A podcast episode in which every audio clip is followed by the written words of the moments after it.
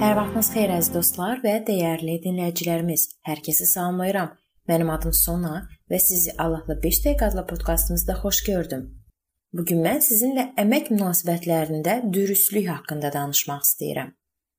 Yeşay 32:8-də yazılıb: "Alicənab adam alicənab şeylər barəsində fikirləşər. Elədiyi xoş əməllər ona dayaqdır." Şirkət əməkdaşları ofis və ya müəssisədə iş günü ərzində vicdanla çalışmalıdırlar. İşə vaxtında gəlin. 15 dəqiqəlik kofe fasiləsini 30 dəqiqəyə qədər uzatmayın.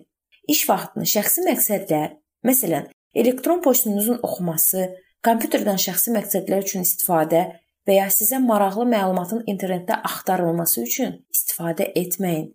Kolossillərə 3:22-də yazılıb: Ey qullar, Hər işdə dünyəvi ağalarınıza itaat edin. Bunu insanları razı salmaq üçün gözə xoş görünən xidmətlə deyil, səmimi qəlbdən, Allahdan qorxaraq edin. Bu o deməkdir ki, rəis olmadıqda tənbəllik etmək əvəzinə vicdanla və dayanmadan çalışmalısınız.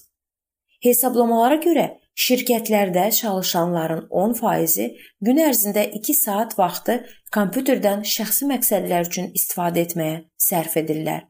Bu zaman əmək haqqı isə bütöv iş günü kimi alırlar. İmanlılar əmək müqaviləsinin şərtlərində nəzərdə tutulmayıbsa, iş yerindəki alətləri və materialları istifadə etməklə oğurluq etməməlidirlər. Paul Krit adasındakı İmanlılar Cəmiyyətinin xidmətçilərinə yazırdı. Baxın, sitə 2:9-10. Qulları başa sal ki, hər şeydə öz ağlarına tabe olsunlar. Onları razı salsınlar. Qoy cavab qaytarmasınlar, oğurluq etməsinlər, amma hər baxımdan etibarlı olduqlarını göstərsinlər. Beləliklə, xilaskarımız Allahın təlimini hər cəhətdən cazibəli etsinlər. İşə götürəninizin zamanını, alətləri və materialları oğurlamayın. Həmçin arxasınca danışıb təmiz adını ləkələməyin.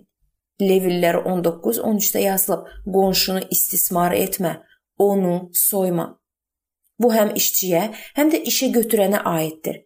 Təhlükəsizlik xidmətləri və mühafizə orqanlarının hesablamalarına görə muzlu işçilərin 75%-i oğurluq edir. ABŞ Ticarət Nazirliyinin məlumatına əsasən il ərzində baş verən biznes uğursuzluqlarının 3də 1-nin kökü şirkət əməkdaşları tərəfindən həyata keçirilən oğurluq və digər cinayətlərə gedib çıxır. Müqəddəs kitabda işə götürənlərin əmək haqqı məsələsində əməkdaşlarına qarşı həyata keçirdiyi 3 səhv hərəkət barədə danışılır. Birincisi, onların gördüyü işə görə maaşı verməkdən imtina etmək.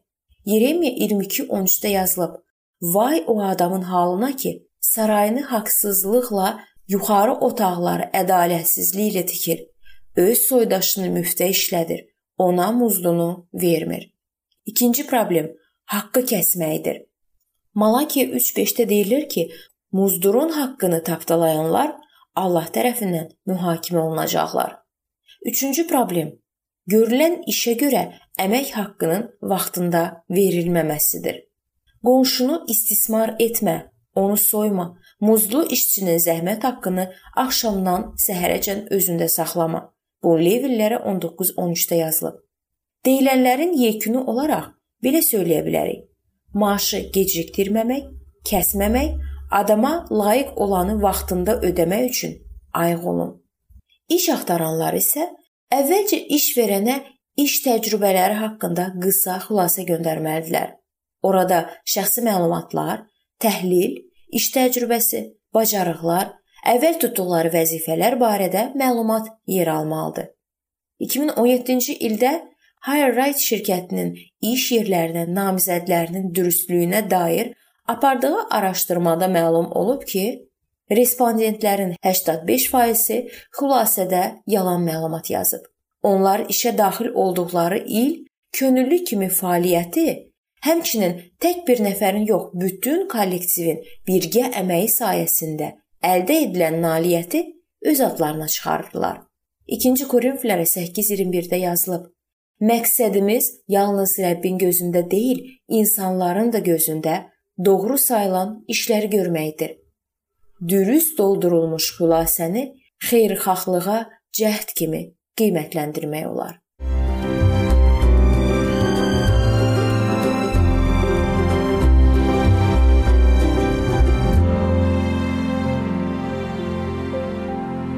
Beləliklə əziz dostlar, bu vacib mövzu burada sona çatdı. Hər zaman olduğu kimi sizi dəvət edirəm ki, bizim podkastlarımızı Facebook səhifəmizdən və YouTube kanalımızdan dinləməyə davam eləyəsiniz. İndi isə mən sizinlə sağollaşıram və növbəti görüşlərdə görmək ümidi ilə sağ olun, salamat qalın.